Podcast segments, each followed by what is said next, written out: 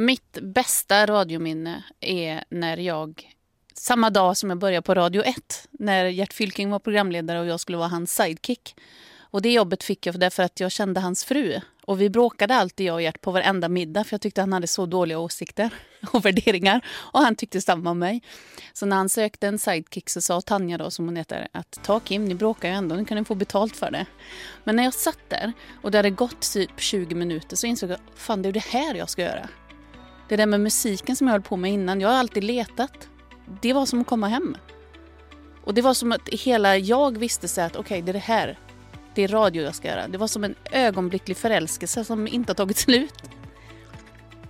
Så um, ja, det var väldigt speciellt att bli vuxen så tillvida att man hittar sig själv när man minst anar det. Och med Gert Fylking på andra sidan studion också. Men därifrån så förstod jag att det var ganska mycket att lära sig för jag har ingen journalistutbildning. Eh, så det var ju att ta rygg på de som faktiskt jobbade på Radio 1. Det var ganska många duktiga journalister där. Robert Aschberg, Hasse Aro och eh, en hel bunt som jobbade bakom kulisserna. Så det var det talade ordet och där fanns ju ingen musik heller men det gör det ju på P4, det är jag glad för. Jag gillar ju musik också men inte lika mycket som jag gillar radio. Då kör vi Radiofabriken och det ska handla en hel del om Radio 1 men också din eh, karriär på P4 med Kim Kärnfalk på P4 Väst.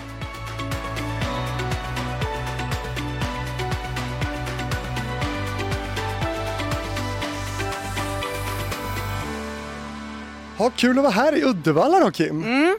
Ja, du har väl varit här i krokarna förut va? Har inte du jobbat här någon gång jo. för länge sedan? Jag har ju det. det här, jag kallar det här för lite min hemmastation även om jag inte jobbat fast här. Liksom. Så jag har jobbat en del här.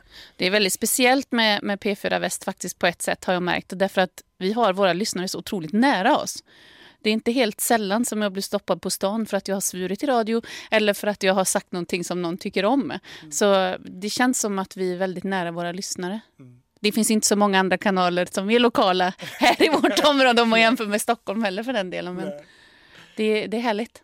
Och här sitter vi i en av era nya studios kan man säga. Ni är ju ganska eh, nyrenoverade här och det ska vi prata lite extra om. Det kan vara så att det här är ett av de modernaste radiohuset i Sverige. Ja, det är i alla fall ett av två eller tre tror jag skulle jag säga. Och det är lite annorlunda för att jobbar man med radio eller som vi har gjort innan då, både du och jag, så har det varit regler. Det finns ju inte en regel så långt eh, liksom, ögat når här. Eh, och det är ju annorlunda. Min dotter var på besök, hon är åtta år, och sa men får du spela på en iPad hela dagen? Det är inte klokt vilket jobb, jag vill också jobba där när jag blir stor. Riktigt så roligt och enkelt är det inte. Vill du att dottern ska gå i samma fotspår överhuvudtaget? Ja, hon har ju mål i mun om man säger så, men frågan är om hon inte kommer göra något estetiskt. Men det har jag också provat. Det blev radio i alla fall, så vi får väl se. Hon mm. får bli vad hon vill. Du, när du ställer upp på en intervju så här, hur mycket research har du gjort på den här podden innan? Ingen alls, för jag tänkte så här att jag håller mig helt eh, neutral och så får vi se vad det blir. Och det är jag fortfarande nyfiken på, vad det här leder någonstans. Ja, det får vi se. Det beror ju på, det beror på dig och mig kan man säga. Eh, men vi sitter i alla fall här i, i en uh, utav uh, studierna här på P4 Väst. Det är, är grått kan man säga. Det, du, det är väldigt grått när jag tänker efter. Mm, det, är, det är lite Berlin över det här. Ja. och då är det ändå nytt, men det är nytt grått kan man ja, säga. Det är inte samma gråa som på Radiohuset i alla fall, för det är ännu mer. Precis. Du, första minnet av dig som jag har, det eh, handlar väl nog om din tidigare karriär då, eh, då man satt och tittade som ung på Friends på turné. Då du kom in lite som eh, en joker i leken vid ett avhopp va? Mm, det var Paula Pensäter som slutade, det är jag väldigt glad för ja. att hon gjorde, för då kunde jag kliva in. Och jag fick liksom rollen som den där kortklippta, eh, rödhåriga, arga ja, en flatfavorit helt enkelt. Men känns, hur känns det? Känns det länge sedan nu? Ja, det är ju länge sedan. Det är 17 år sedan eller någonting som jag började i Friends. Men det roliga var att det var under Friends-tiden jag blev intresserad av journalistik. Mm. Därför att jag tyckte, jag, jag åkte runt, jag tror jag varit på alla P4-kanaler i hela Sverige och gjort någon intervju någon gång eller sjungit eller något sånt där. Eh, och jag tyckte att det var så många som inte hade läst på. Mm. Och verkligen så här, ja kan du berätta vad heter din nya skiva? Alltså du vet sådär. Eh, och då började jag skriva ner saker. Så min research kring journalistyrket började redan där. Så här, frågor som de kunnat ta reda på svaren på innan och sådana grejer. Så det var där det började. Det var väldigt intressant. Jag, har, jag tror jag har ett formulär någonstans där jag har satt betyg på journalister runt om i Sverige. Men eh, betyder det då att ditt första minne av P4 är egentligen att, att de som jobbar här är ganska opålästa? nej, inte på P4 Väst. nej, och, nej, men så här. Eh, mitt första minne från P4 var när jag på mellanstadiet, jag gick i femman, ringde och tjatade mig in för att vi skulle få sjunga live här på Radio Tresta som det hette då. Till slut så gav kanalchef, den dåvarande kanalchefen upp, så då var vi här och blev intervjuade och sjöng. Det är mitt första P4-minne. Mm. Och det var här i de här lokalerna. Precis, du är tillbaka här kan man säga. Du, spelar och sjunger något idag kanske det är många som undrar? Ja, nej det gör jag faktiskt inte. Förutom att jag, eh, nu vet inte jag om man säger så här då. Inte jättemycket, men när det kommer till olika Pride-förfrågningar så brukar jag göra det. För att det är en viktig sak som jag brinner för.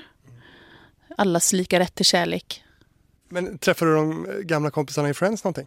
Nina och jag har ju kontakt. Mm. Eh, men annars så träffar vi inte, eller träffar jag inte de andra i bandet. Dina mediekonsumtionsvanor ska jag är lite nyfiken på. Vad, vad tar du del av en, en vanlig dag? Eh, jag är, har varit besatt av nyheter sedan jag var liten. Jag hade en samhällskunskapslärare som sa Kim, gillar du dokusåpor? Följ, följ, följ, politiken. Kolla på nyheterna för det tar aldrig slut. Och kom, man vet aldrig hur det kommer gå heller. Så att jag börjar alltid morgonen med att gå igenom allt på Ekot.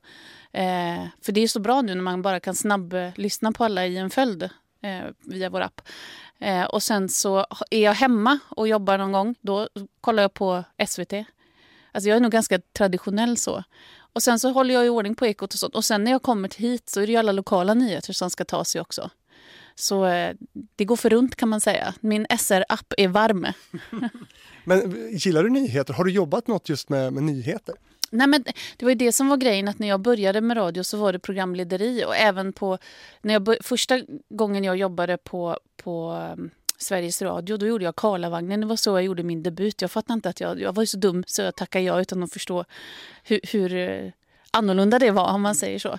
Nej, men så det, det, det, där med nyheter har jag inte fått jobba med utan jag var programledare. Och i Stockholm är man ju ganska så specialiserad. Man är liksom inte lite varje. Här får jag göra allting. Alltså jag har läst nyheter, jag eh, sitter på desken och kollar i olika fall och sånt där. Man får hoppa in lite och det har varit väldigt nyttigt för mig. Och inte bara stå och så här, klockan är lalala, välkommen till PF. Så, utan få, få göra lite andra grejer också i det här yrket. Mm. Och resten av dagen, när du kommer hem på kvällen och sådär, vad, vad gillar du att följa? Ja, dels så följer jag min dotter för hon har ganska mycket saker som hon vill ha hjälp med. Du vet läxor och allt det där. Men eh, jag gillar att kolla på eh, dokumentärer. Det finns ju otroligt mycket bra dokumentärer man lär sig mycket om på SVT till exempel. Eh, men även eh, är jag ute i trädgården eller någon annanstans, då lyssnar jag också på dokumentärer men via radion. Så att jag är nog väldigt mycket public service. Mm. Det är där jag tar mina flesta. Mm. Eh, Twitter orkar jag inte titta på längre ens en gång. Nej. Därför jag tycker det är för stökigt. Eh, så my mycket nyheter blir det. Nästan bara faktiskt. Och det är ju väldigt spännande nu när det är valår. Mm. Och de sociala medierna i övrigt då, förutom Twitter? Eh, Facebook är jag mycket inne på. Instagram, men det är mest för att kolla mina bonusbarn som reser runt i Colombia just nu. Det känns som att det mm. Men så där, det är väl inte så mycket nyheter. För det som kommer på Twitter till exempel, det har redan trendat. Så det är nog rätt traditionellt skulle jag säga. Mm. Radio och tv. Men skulle man kunna säga att du kanske följer de mediekonsumtionerna som, som dina lyssnare har? Ja, det kan vara så. De alternativa eh, ställena att leta på där det inte är så noga med källkritik väljer jag gärna bort. Eh, jag önskar att fler hade gjort det. Och det är lite intressant det där tycker jag Fredrik. För... Vilka då tänker du på förresten? Nej, men jag, som Flashback och andra kanske, eh, som, som jag inte tycker har den kanske källkritiska hållning som man önskar. Ja, inte riktigt. Nej, men nu kommer jag väl få en massa folk efter mig så vi fasen om det ska vara med. Men eh, ofta får man ju höra när man jobbar på Sveriges Radio, eller när man säger att man jobbar på Sveriges Radio, att man är PK. Mm.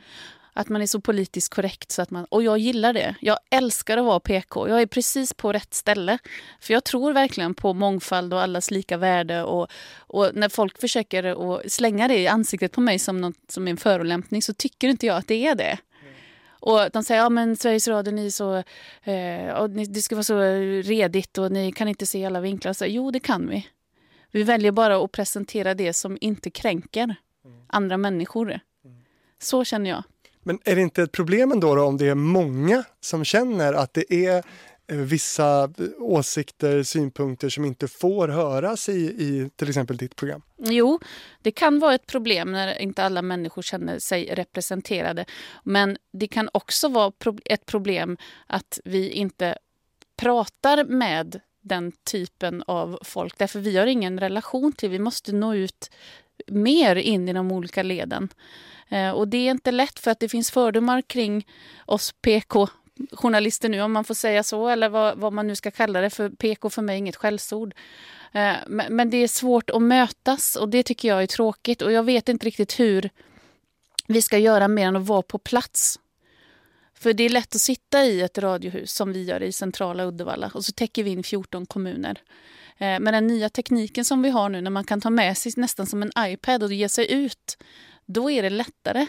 Men å andra sidan, vi har haft HF-bilar och vi har haft eh, väskor och allt sånt där. Så att jag tror den nya sortens journalistik kräver att vi som journalister är närmre. Mm. För det är enda sättet att få berättelserna eller att människor kan prata med oss. Det är att vi måste vara närvarande i allt vi gör. Även liksom på plats och inte bara så här, man pratar om. Men hur hanterar du då de här som kallar dig för, för PK-vänster eller PK-media? Liksom? Ja, vänster får jag ofta höra också, även fast ingen har någon aning om vad jag röstar på. Eh, jag, jag har aldrig någonsin ångrat att jag satt mig ner med en person och försökt förklara hur jag har tänkt. Eh, ibland så hinner man inte med det om man möter någon på stan eller man är på någon fest. Eller, men det, inte sällan blir man ifrågasatt. Men, men jag har aldrig någonsin ångrat att jag satt mig ner och verkligen försökt förstå vad den andra menar. Och också då ibland fått den personen som slänger ur sig det här PK och allt vad det är. Ni på Sveriges Radio är så här. Och jag menar Sveriges Radio representerar ett Sverige i mångfald på många sätt och vis. Eh, men det är klart att vi kan bli bättre på det också såklart. Jag blir lite nyfiken på om det är någonting ni liksom aktivt jobbar på att, att antingen, ja, inte i ditt fall kanske tvätta bort den här PK-stämpeln men ändå liksom eh, inkludera fler människor och åsikter i, i era program. Mm. Det, är lite, det är lite svårt att släppa saker fritt eh, på alla plan. Därför att det finns ju också saker som vi inte ska sända ut med folks åsikter vad det gäller. Liksom. Vi har ju olika principer eh, när det kommer till... Man, om man är nazist så finns det gränser för, för vad man kan säga utan att det liksom inte är förenligt med SRs policy. Och det ska vi ju inte sända ut. Men däremot, alla människor har ju rätt till sin åsikt, även om jag inte delar den. Det är där det blir knepigt ju. Ja, men mitt jobb som journalist är inte att stötta vissa åsikter och, och liksom för att jag tycker samma. Mitt, mitt jobb är ju att låta människor få prata mm. samtidigt. Det är, en, det är en jättesvår grej det där med demokratiprincipen och var gränsen går och sånt. Som tur är så har ju vi alla som jobbar på Sveriges Radio en ansvarig utgivare som får ta den pucken. Det är inte min sak att avgöra det riktigt. Visst är det skönt? Ja. ja din resa då var du inne på lite i, i början av det här avsnittet att, att det var ju liksom, eller det är ju Gert Fylkings fel då på något sätt att du, att du sitter här och, eh, och att, att ni bråkar och sådär. Känner du dig liksom lite motvalls eller vad var det era bråk handlade om? Nej, men det var väl att han och jag inte tyckte samma sak. Han är väldigt eh, speciell. Han är helt underbar. Och som sagt, det är ju tack vare Gert som jag sitter på Sveriges Radio nu.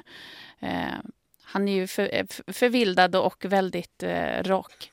Medan jag var mer en målvakt kan man säga. Det var, gällde att liksom hålla PK-garden uppe lite grann, för någon av oss fick göra det. Men det var den klassiska liksom, sidekick-rollen du hade då, eller? Ja, lite mamma. Ja. Sådär. Eh, jag har lärt mig massor av Gert också. Men är inte det en tråkig roll att hamna i som kvinna? Vadå, att man är målvakt? Ja, och behöver vara morsan. Liksom. Nej, jag tror inte det har med vad jag har mellan benen att göra. Det var nog mest personligheterna som var så olika, kan jag tänka mig. Jag tänker att det ofta har varit eh, just kvinnor i den rollen som blir den som hytter med fingret och, och rätar upp den vilda mannen. Ja, men, men eh, jag, jag hade mina moments när han fick dra tillbaka mig också. Eh, en gång gick jag in och drog ner reglerna mitt i sändning så att han inte fick prata för att det han sa inte fick sändas ut i princip. Så att, jag tror att han var rätt trött på mig också inemellanåt. Men, men, men jag är väldigt glad för att han vågade chansa på att ta med mig ja. live. Har ni kontakt då? Ja, det har vi. Eh, vi ses när vi kan. Nu bor jag 50 mil bort och är väldigt sällan i Stockholm. Mm. Vilket jag saknar ibland. Jag saknar till och med Radiohuset ganska mycket. Och, och framförallt de som jag jobbade med som lärde mig så mycket. Jag hade tur. Jag tänkte vi skulle prata lite om Radio 1 som ju var ett, ett fantastiskt modigt och ganska påkostat projekt från MTG Radio. Eh, och det var där du hamnade då och det var ju ett, ett försök av MTG till en lokal kommersiell pratradio över Stockholm. Kan, kan inte du berätta lite så målande om den tiden där? Hur var det att jobba där?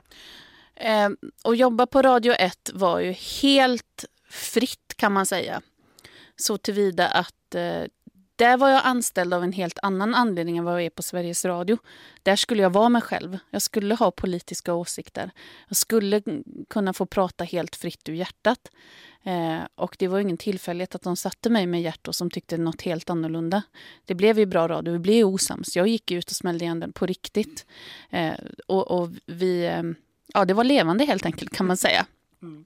Inte alltid så genomtänkt allt vi gjorde men men roligt hade vi. Det var också konstigt för någon gång när jag fyllde år då, då serverades det champagne på morgonen. Jag sände ju mellan sex och tio. Och jag fick en lapdance av en manlig kollega. typ så här. Alltså det var ju galet. Men det var också väldigt roligt att få vara med för det, det var ju en nybyggaranda. Det fanns ju inga regler för de var inte satta. Vi fick ju hitta på dem under tiden. Liksom. Det är inte så mycket lapdance här eller? Nej, jag känner inte till ett enda tillfälle än i alla fall. Men du är fri att prova. Jag jobbar ju inte här så det har kanske inte varit någon jätteskandal kanske, jag vet inte. Men, men, men eh, var det kul då? Eller var det mest kaosigt? Nej, det, det är något av det roligaste jag har gjort. Och det var, jag tror att jag kanske tillskriver eh, Radio 1 ännu mer för att det var ju också där jag blev förälskad i radio. Det var ju där jag liksom fick min men det är som att komma ut. När man vågar stå för vem man är. Så det var lite samma för mig fast på ett annat plan. Fasen, det är ju radio jag ska göra. Hur gör jag nu? Sen när det lades ner, det fick jag läsa på Resumé. det hade inte jag fått reda på. Jag såg det på Resumé att, att eh, Radio 1 skulle läggas ner. Och var ju helt förstörd. Det var ju som att bli lämnad. Vad gör jag nu? Jag måste ju fortsätta med det här. Men så vet jag Sveriges Radio kräver väldigt mycket av sina journalister så hur ska jag ens kunna nå dit. Jag gjorde en, en uh, intervjuserie på Radio 1. Det var också en sån här rolig grej. Mellan 12 och 1 hade vi ingen sändning. Då gick jag in till min chef och sa du, det är tomt mellan 12 och 1. Kan inte jag få göra ett eget program? Jag vill intervjua folk bara. Eh, och det ska heta Tala till punkt. Ja visst, gör det. Och så var det, började jag samma dag. Alltså det var verkligen så här, det gick så snabbt mellan besluten. Det är det ju annorlunda här. Ja. så. Och då gjorde jag ett program som blir nominerad. Det var så jag tror jag kom in på Sveriges Radio, eller att min karriär fortsatte. Det var för att jag blev nominerad till radiopriset som Årets Rookie. Mm. Sen fick inte jag det priset, men, men jag tror att det ändå öppnade lite dörrar ändå. Vem fick det priset i året? Sigge Eklund. Och honom har jag skällt på, för han hade bara gjort en podd.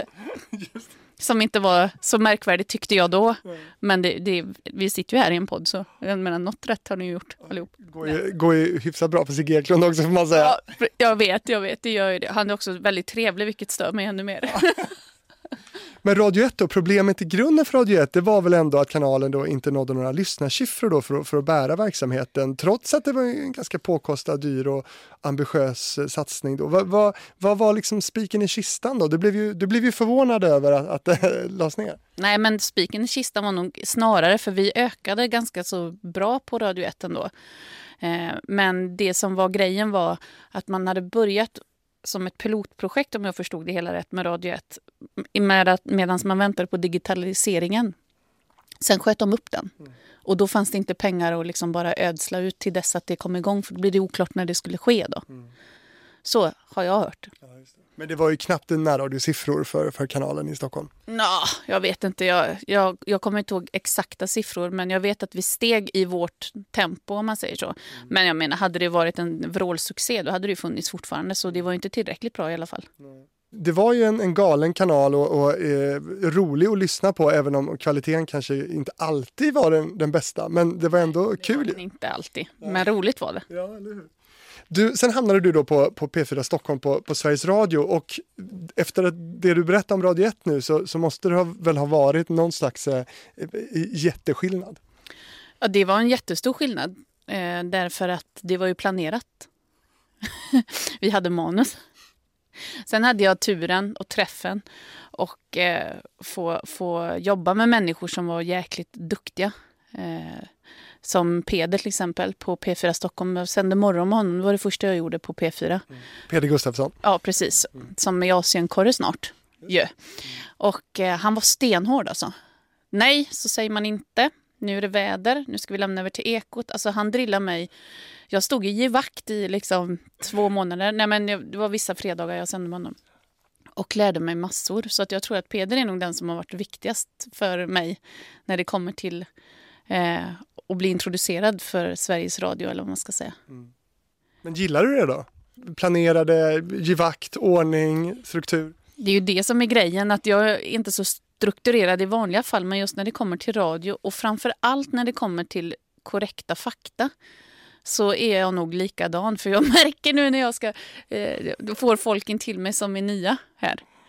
Att, att jag låter nog ganska likadan. Du har blivit Peder? Jag vet inte om jag har blivit pedo. Men, nej, men jag är noga med att man, att man försöker hålla sig till, till uppdraget som vi har.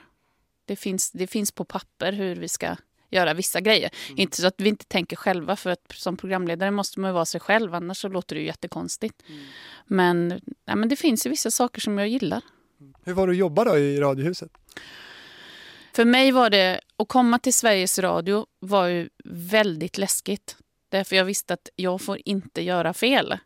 Och eh, på Radio 1 så gjorde det inget om man gjorde fel. Därför det var jag ingen som varken lyssnade eller orkade lägga sig i det. Här var det lite annorlunda. Eh, men, men det var jag, var... jag är fortfarande oerhört stolt över att ha min passerbricka. Eh, så att jag har ju inte tröttnat ännu i alla fall. Det har ju gått ett par år. Och du gjorde ju då den här roliga resan, en liten omvänd resa mot de flesta kanske. Du sökte dig från Stockholm då tillbaka hem till Uddevalla. Du har flyttat hit och tillbaka i rötterna igen. Ja, det var ju ingen som trodde det, framförallt inte jag för 20 år sedan liksom när jag flyttade upp till Stockholm. Men det är också så här någonstans att ju äldre man blir, ju mer längtar man efter det som man hade innan man körde på med karriär om man säger så. Så det, det är ganska skönt att komma tillbaka till Uddevalla. För att här har jag min lilla PK-bubbla kvar så tillvida att eh, jag gör ju samma sorts radio här som där i Stockholm. Det är bara det att här känner jag dels bygden och de människorna som jag umgicks med för 20 år sedan, de har jag fortfarande kontakt med. Fast nu, det är också konstigt, man kommer tillbaka och så är folk chefer. Alla har blivit vuxna. Liksom. Man har en bild av dem som fortfarande är så här som man var själv när man var 15, men det alla blir vuxna till slut. Vilket umgänge du har. Ja, det, det är väldigt, jag känner väldigt många människor här som håller på med diverse olika saker och alla har blivit vuxna. Precis som jag. Vad är det som är så bra med att, att jobba och bo i Uddevalla då, jämförelsevis då med, med Stockholm? Ja, för det första så bara en sån liten grej som att det alltid finns plats på bussen. Och att busschaufförerna sällan kör iväg innan man har satt sig ner är man ju inte van vid. Jag tror aldrig jag har varit på väg att ramla en enda gång. Men, eh, men det är någonting med lugnet som jag aldrig trodde att jag skulle tycka om. Men det är ganska skönt med att ha naturen in på knuten. Och, jag menar, jag är medelålders och jag lever som en medelålders människa också. Mycket utrymme. Mycket mer för pengarna får man. Man- Hus och grejer. Ja, precis. Trädgård och... Hammock. Nej, nej, inte så. Nej, där är vi inte än. Det skulle vara det första jag köpte om jag hade en trädgård, en hammock. Gud vad skönt. Men, men jag blir alltid åksjuk en sån där, så att jag, jag, jag vågar inte prova ens. Speciellt den här sommaren som vi har haft. Liksom, ligga i en hammock, det ty- tycker jag låter som en, en underbar eh, dag. Liksom.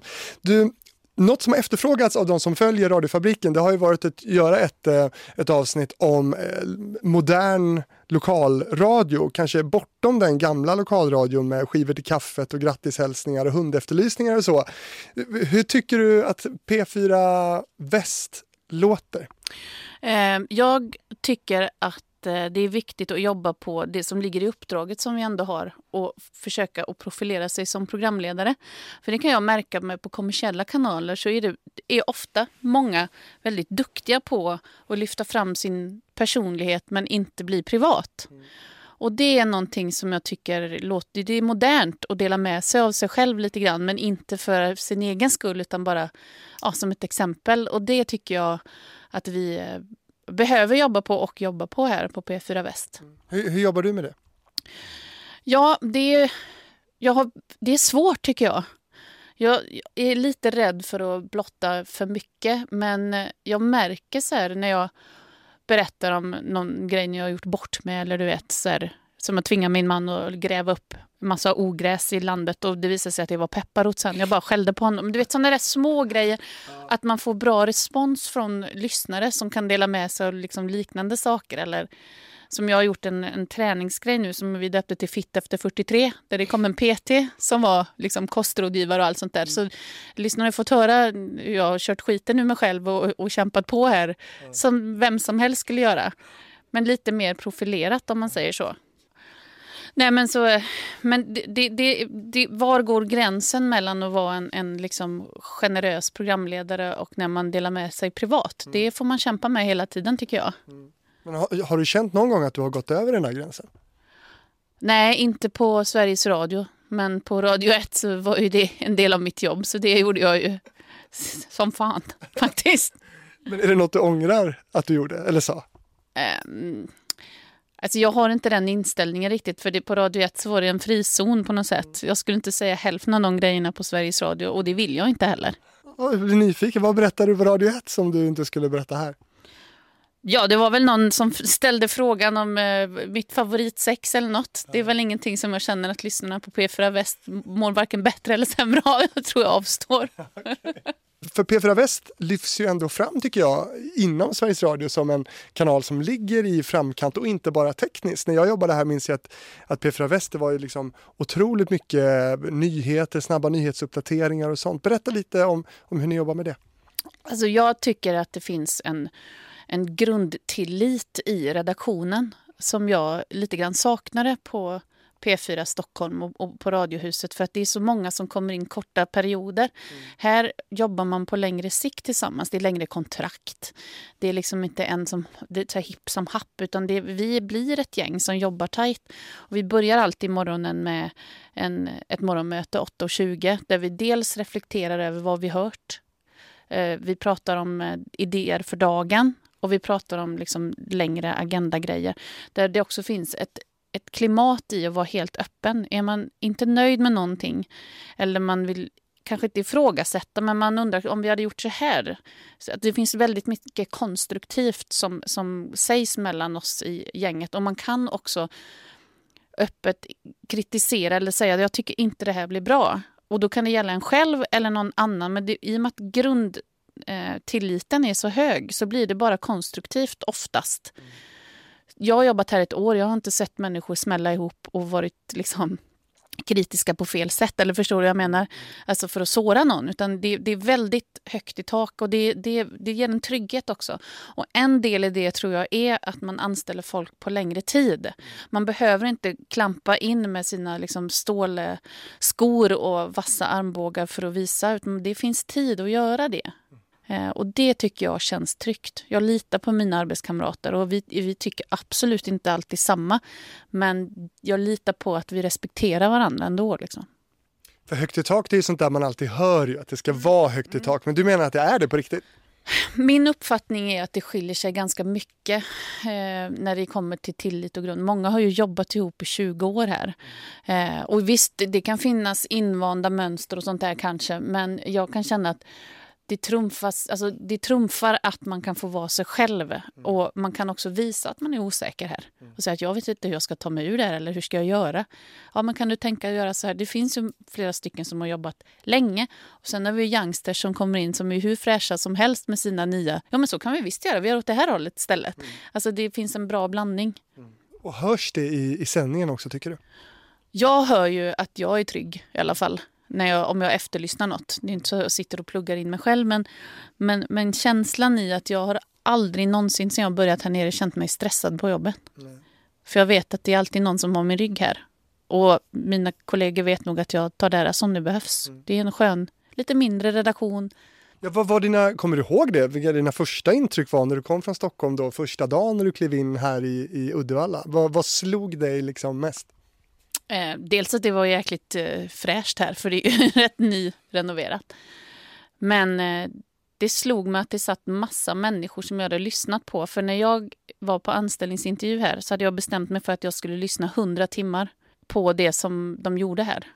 Och det gjorde jag. Mm. Jag satt och räknade och fyllde i liksom, så att jag hade 100 timmar med mig. Så när min chef då intervjuade mig på den här anställningsintervjun så frågade han, har du lyssnat något? Ja, det har jag gjort. Mycket, sa jag. Hur mycket då? 100 timmar. Där droppade hakan lite. Så att jag kände ju, alltså jag kunde ju pinpointa vem som var vem genom att de sa hej. Mm. För jag hade lyssnat så mycket på rösterna men jag hade ingen aning om hur de såg ut. Men vad ambitiöst, 100 timmar. Ja, jag vill ju inte komma, jag vill inte söka mig till en kanal som var kass. Jag var verkligen tvungen att lyssna på dem så att jag visste mm. att det var bra. Men har du haft någon hjälp tror du av att du är en gammal mellovinnare och sånt där? Alltså att du är ganska liksom, igenkänd från början? Ja, alltså jag, jag tror inte att det är en nackdel att jag är etablerad här hemma och att det sitter kvar i folks minne att jag, att jag vann Mellon för länge sedan. Men det är ju ingenting som hjälper mig som journalist på det sättet förutom att jag har en ganska bra kontaktbok kan man säga. Det har jag ju. Vilken är din bästa kontakt i boken? Åh, vem kan det vara? Är det Bert? Ja, han har väl kontakter till alla i och för sig om man nu vill ha. Nej, det är nog inte den jag skulle välja i första hand. Jag vet faktiskt inte riktigt. Vilken bra fråga. Ja. Ja, Christer Fogelsang kanske. Ja. Inte för att jag ringer honom speciellt ofta, men jag har. Men hur känner du honom? Nej, det gör jag inte riktigt. Jag har haft honom som gäst någon gång tror jag. Det är väl därför jag har numret kvar. Ja.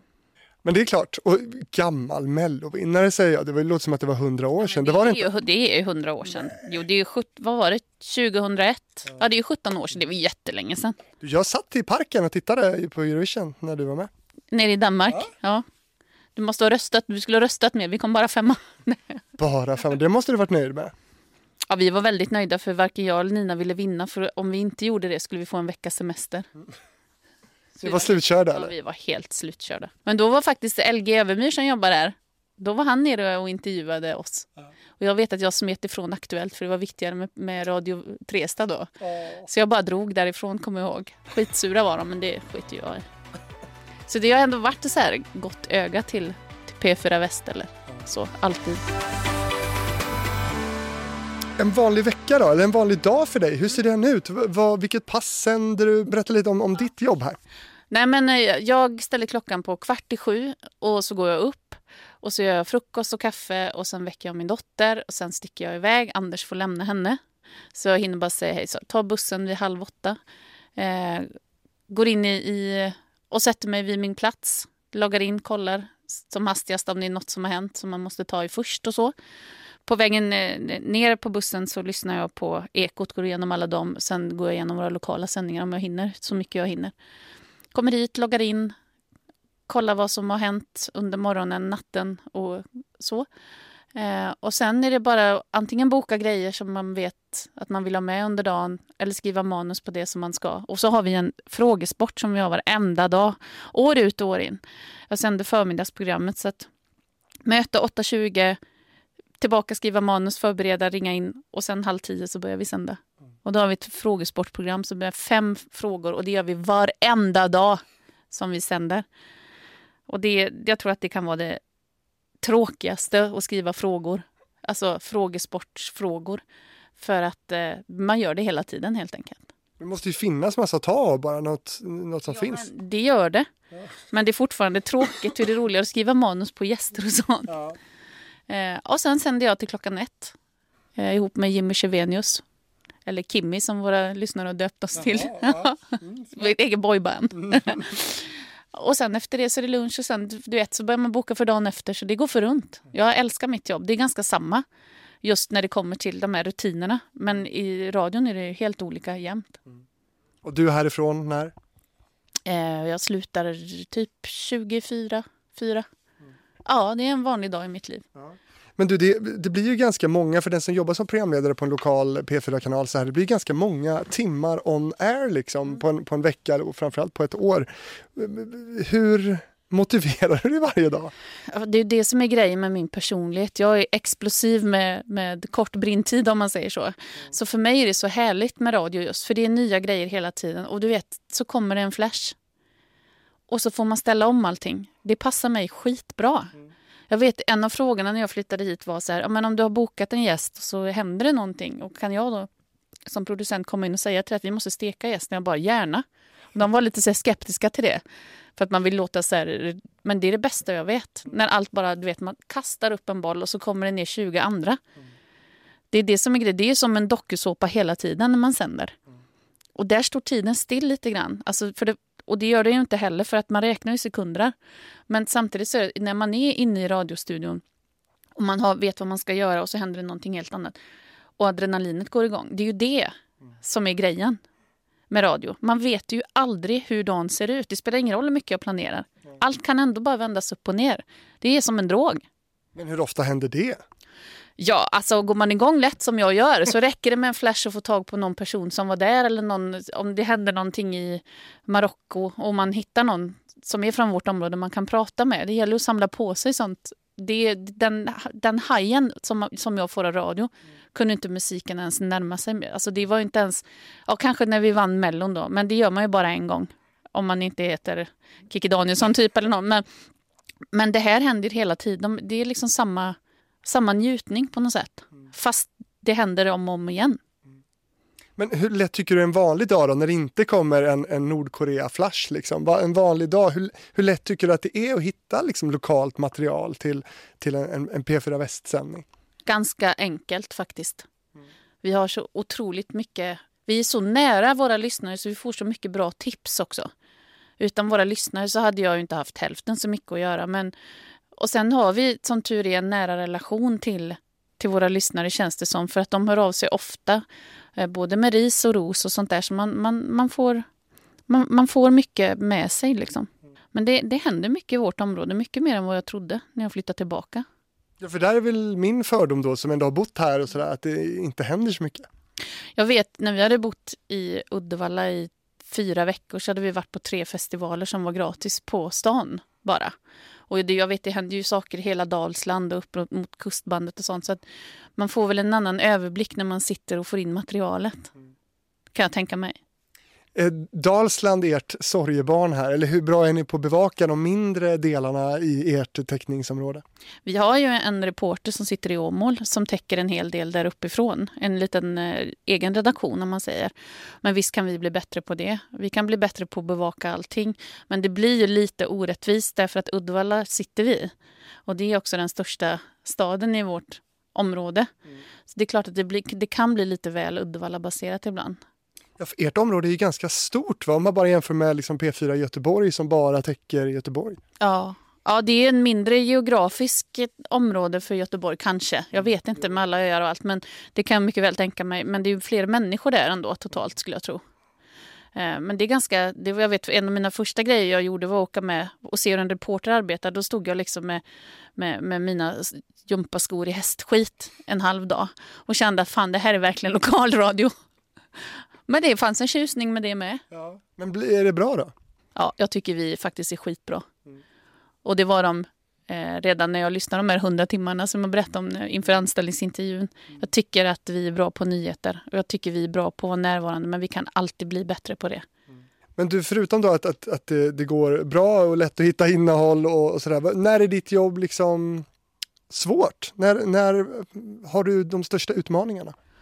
Den största utmaningen för mig som jag har och vilket jag tror att vi har på hela kanalen det är att nå in till våra nysvenskar. Eh, för det finns inte den... Eh, vad ska man säga?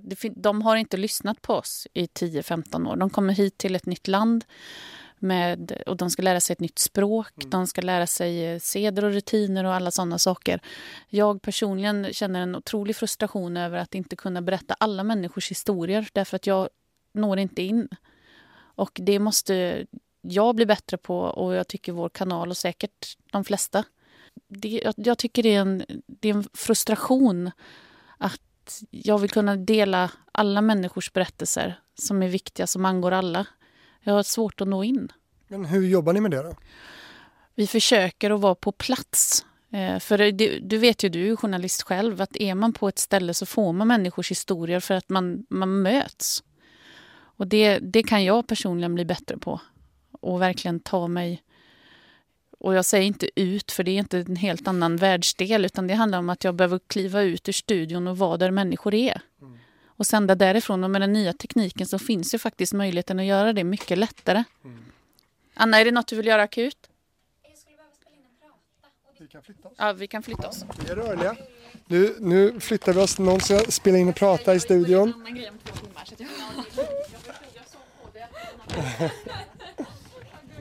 Men ska vi säga nu, nu har, nu har vi bytt eh, rum här. De behövde studion till något annat. Så därför låter det lite annorlunda kanske för dig som lyssnar. Ja, det gör det nog kanske. Men det är ingen fara. Jo, ehm, med allt du gör här, tycker du att du har rätt eh, betalt? Rätt lön? Nej, men det tycker jag ju aldrig. Inte, framförallt inte när jag pratar med chefen om att och löneförhandla och sånt där. Är du bra på det? Eh, jag vet faktiskt inte riktigt, men är han lite sur så är jag nöjd. Men du är bra på, du kan göra honom sur liksom. Du kan pusha. Ja, jag får ju inte igenom det alltid. Jag har ju bara gjort en löneförhandling ändå. Eller första gjorde jag ju innan jag flyttade ner. Eh, men det, man kan säga att det blev ett naturligt eh, steg neråt när man gick från MTG till Sveriges Radio. Eh, så är det ju. Och hur var det att gå från Stockholm till Uddevalla lönemässigt? Eh, ingen större skillnad. Faktiskt. Däremot från MTG till Sveriges Radio i Stockholm var stor skillnad. Vad snackar vi för skillnad? Eh, ja, 10 000 kanske. Men ändå värt, ska jag säga. För jag har ju fått lära mig massor. Det finns ju så mycket resurser att få. Och i Stockholm, det vill jag säga, att jag blev verkligen drillad av de bästa. Jag hade säkert två eller tre personer. Anna Ivermark var jätteviktig för mig när det kommer till programlederiet och sånt. Hon var otroligt rak och otroligt konkret. Och även om jag nog inte kanske visade hur mycket jag tog in det så är det ju det, ju det som har präglat mig som programledare här. Här, vågar jag, här är jag så trygg så jag vågar testa de grejerna som hon föreslog, som jag inte pallade då. Liksom. Men du har ju en årsinkomst på ungefär 480 000. Vad skulle du vilja ligga? Vad tycker du liksom att du är värd för det arbetet du ändå gör här på, på Sveriges Radio i Uddevalla? 480 000, det tycker jag låter väldigt högt. Grattis! Ja, jag har, inte, har du kollat upp det eller? Ja. Har du gjort det? Ja, men det är inte bara radion. Det är, det är din årsinkomst. Hoppsan. För allt. Oj då. Ja. Eh, jag eh, skulle väl säga som så här att jag är aldrig nöjd med min lön.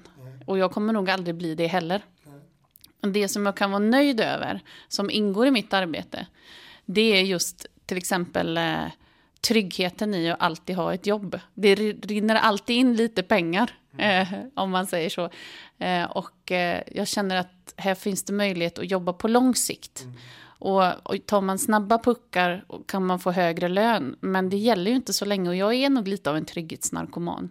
Jag tycker om att veta att här ska jag vara tills jag blir pensionär. Kanske inte just på P4 Väst men jag är ganska säker på att jag kommer hålla mig inom Sveriges Radio. Men sen var det en annan sak när jag fick fast tjänst här. Och det är det finaste av alltihopa. Det var att jag kände att jag blev vald först. Att jag var den som de ville ha. Och att jag ville ha det här lika mycket. Det var en känsla som jag aldrig haft förut. För jag har aldrig haft, jag sa till min man Anders, ja, men jag, jag vet inte, fast tjänst och så. Jag, det är väl lika bra för jag gillar att ha tryggt och så här. Han bara, fast du har ju aldrig haft ett fast jobb i hela ditt liv. Nej just det, det har jag ju inte. Nej. Så det kanske har med åldern att göra också tänker jag. Det är skönt att veta. Och så ibland kan jag få panik, så här, herregud ska jag gå här liksom? Jag kommer bara få mer och mer ont i lederna och jag kommer liksom sluta med att jag hasar mig fram och ja men du vet så här. Och, och det kan jag känna lite, så vad hände med mig som var så fri? Då vände jag på det istället. Så det, det är lite som hela, man är aldrig riktigt nöjd, men jag, som det känns så är det här, det är här jag ska vara. I alla fall på Sveriges Radio. Vad hände med Kim som stod och lirade tre, fyra timmar i sträck på Stenungsbaden typ? Ja, precis, som hade, som hade panikångest och näsblod. Eh, jag saknar inte den delen av, av jobbet så, så mycket.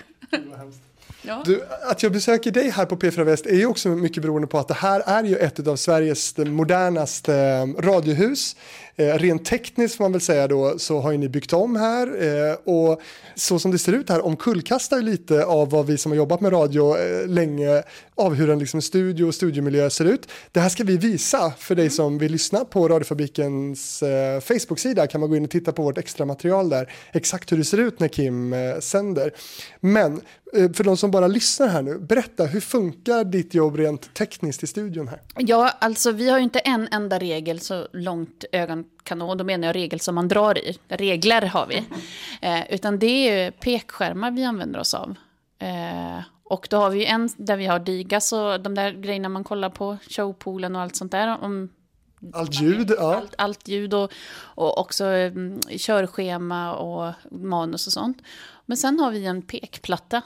Och istället för att man har tre spelare då, som man brukar ha på Mandotsi till exempel, eh, eller regler överhuvudtaget, så har vi tre stycken olika touchscreens istället. Och det är samma sak. Så vi startar igång ljud ifrån en touchpad helt enkelt. Och hur funkar det då tycker du? Eh, jag kan säga som så här att blir det strul med något som är liksom riktiga regler kan man byta ut en regel, man väljer in eh, någonting nytt på en annan regel som man inte använder. Här är man väldigt utlämnad. Blir det fel på tekniken, då kan jag eller teknikerna på plats inte göra så mycket för huvudservern står i Göteborg. Så det är lite skillnad på vad man kan påverka själv som programledare. Det, det tycker jag kan vara problem. För att vi också är ett av de första eh, stationerna som använder det här. Så att vi är också pilotprojekt på någon vänster. Ett projekt som heter Next Generation. Men, men vad händer då, då om, om skärmarna slocknar framför dig? Vad, vad, vad händer? Ja, då går man in i gammelstudion. För den finns, det finns en gammelstudio, ja. Och då, och då funkar det ju. Alltså då får man ju köra så. Men eh, jag hoppas på att eh, i och med att vi är ett pilotprojekt så, så blir det ju lite fel i början. Mm. Eh, för det som är fantastiskt med den här utrustningen är att vi kan ta med oss en iPad, bara vi har wifi eller vi kan koppla upp oss och det finns eh, ett nätverk vi kan använda. Så, så kan vi, vi kan vara var som helst. Och sända. Jag satt på ett fik i Strömstad och sände en, en hel för, ett helt förmiddagsprogram. Utan minsta problem. Man kan vara ute på båtar. Man kan, jag skulle vilja testa det här, i, och det är mitt projekt som jag ska försöka få igenom vad det lider. Hur högt kan man sända? I en luftballong, funkar det? Det är jätteroligt. Och då sänder du alltså i princip då med en iPad och en mikrofon ikopplad till den, eller hur? Ja, exakt så var det. Det var det vi hade. Och sen hade jag med min laptop för att hålla koll på liksom, tiden och liksom, eh, hur vi skulle fördela ut låtar och sådana grejer. Men, men eh, själva verket behöver man inte så mycket mer än ja, en, en platta och ett wifi. Är det liksom också tanken att, att uh, man ska kunna vara mer rörlig och kanske också minska lokalkostnader? Ja, jag vet inte om lokalkostnaderna blir lägre, för vi är fortfarande x antal människor som måste samsas på samma plats. Men, men, men det handlar väl mer om att kunna vara flexibel. Uh, man kan ta sig iväg. Man kan ju sända var som helst i hela Europa med de här plattorna. Bara det finns ett wifi spelar det ingen roll. Mm. Så det, det, är ganska coolt tycker jag. Att vi behöver komma ut mer. Och nu har vi ingenting att skylla på om man säger så. Nu är det bara ben, ben och bil och platta som behövs. Mm. Det har varit lite strul och de gör uppdateringar och sånt där. Så det är inte alltid det går att... Och att allt fungerar helt smärtfritt. Eh, och det har vi också märkt av. Och det blir en frustration i det. Men jag vet inte vilka system som bara kickar igång utan att man får göra förbättringar. Det, det är en del i arbetet framåt. Mm. Jag är glad för att Sveriges Radio liksom ligger i framkant, för det gör vi ju faktiskt. Mm. Och hur det ser ut då med mixningar och ledningar och jinglar och sådär, då hänvisar jag återigen till det rörliga extra materialet där ni kan gå in och titta på hur, hur Kim jobbar. Är det självklart för dig att jobba just här? Just nu är det i alla fall. Mm. Jag trivs jättebra på P4 Väst. Mm. Jag eh, har också fått många riktiga vänner här som jag också jobbar med. Så det finns en, eh, en, ett mervärde i att ha arbetskamrater. För några har blivit riktigt goda vänner. Vad har du för radiofavoriter? Eh, jag skulle säga att jag eh, tycker tyckte väldigt mycket om Ulf Elving och gör fortfarande. För att han hade Efter tre när jag var liten och det var liksom magiskt att lyssna på. Eh, och sen så, Ulf Elving måste ju vara med i radiofabriken. Är det något du tycker att jag ska fråga honom om då? Jag har för mig att han sände efter tre när eh, det här planet kraschade vid Västerbron. Jag har för mig att jag, ja, jag, för mig att jag hörde det. Jag skulle vilja veta hur det var att stå där. Och rapportera om det där. Om jag minns rätt. Jag tar med mig den till Ulf. Ja, gör det, gör det. Jag älskar Ulf Elving. Va, vad tycker du om, om relationen då som du får till, till publiken här? Skiljer den sig någonting åt den relationen du har haft tidigare med din publik? Både som artist men också i andra radiosammanhang?